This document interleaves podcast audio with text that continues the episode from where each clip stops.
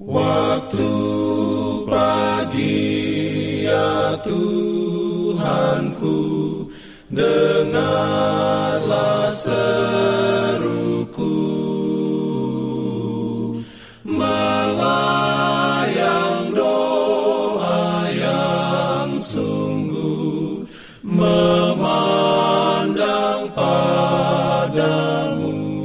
Selamat pagi pendengar Radio Advent Suara Pengharapan.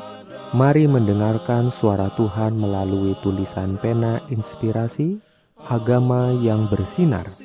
Renungan harian 18 Agustus Dengan judul Doktrin yang tidak sehat.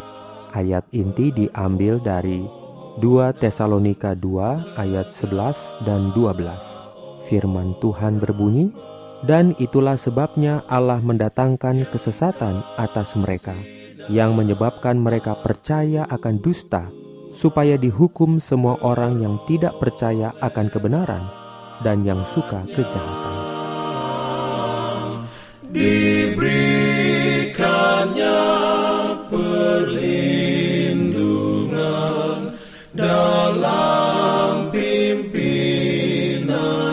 Urayanya sebagai berikut.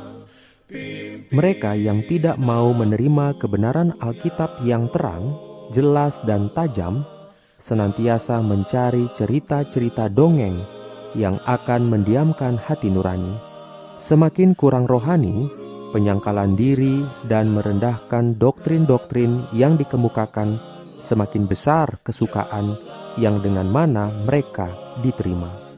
Orang-orang ini merendahkan kuasa intelektual untuk memuaskan keinginan-keinginan daging mereka. Oleh karena kesombongannya, mereka tidak perlu menyelidiki Alkitab dengan jiwa yang menyesal dan doa yang sungguh-sungguh memohon tuntunan ilahi. Mereka tidak mempunyai perisai untuk menangkis penipuan. Setan siap sedia memenuhi keinginan-keinginan hati dan menyembunyikan penipuannya itu di tempat kebenaran Demikianlah caranya kepausan mendapat kekuasaannya atas pikiran-pikiran manusia, dan oleh penolakan kebenaran, sebab kebenaran itu melibatkan salib, maka Protestan pun menuruti jalan yang sama. Semua yang melalaikan firman Allah mempelajari kenyamanan dan politik agar mereka tidak mempunyai perbedaan dengan dunia ini akan dibiarkan menerima bidat atau ajaran yang sesat yang terkutuk, gantinya kebenaran agama. Setiap bentuk kesalahan yang dapat dipikirkan akan diterima oleh mereka yang dengan sengaja menolak kebenaran. Ia yang memandang ngeri suatu penipuan akan dengan mudah menerima yang lain. Rasul Paulus berbicara mengenai sekelompok orang yang tidak menerima dan mengasihi kebenaran yang dapat menyelamatkan mereka, menyatakan, "Dan itulah sebabnya Allah mendatangkan kesesatan atas mereka, yang menyebabkan mereka percaya akan dusta, supaya dihukum semua orang yang tidak percaya akan kebenaran dan yang suka kejahatan." Dengan amaran seperti itu di hadapan kita, kita perlu waspada mengenai doktrin-doktrin yang kita terima. Amin. Diberikannya perlindungan dalam pimpinannya.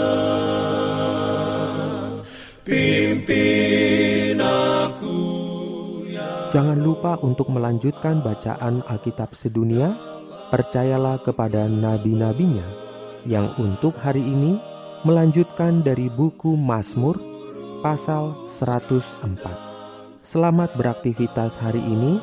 Tuhan memberkati kita semua. Jalan kewajiban,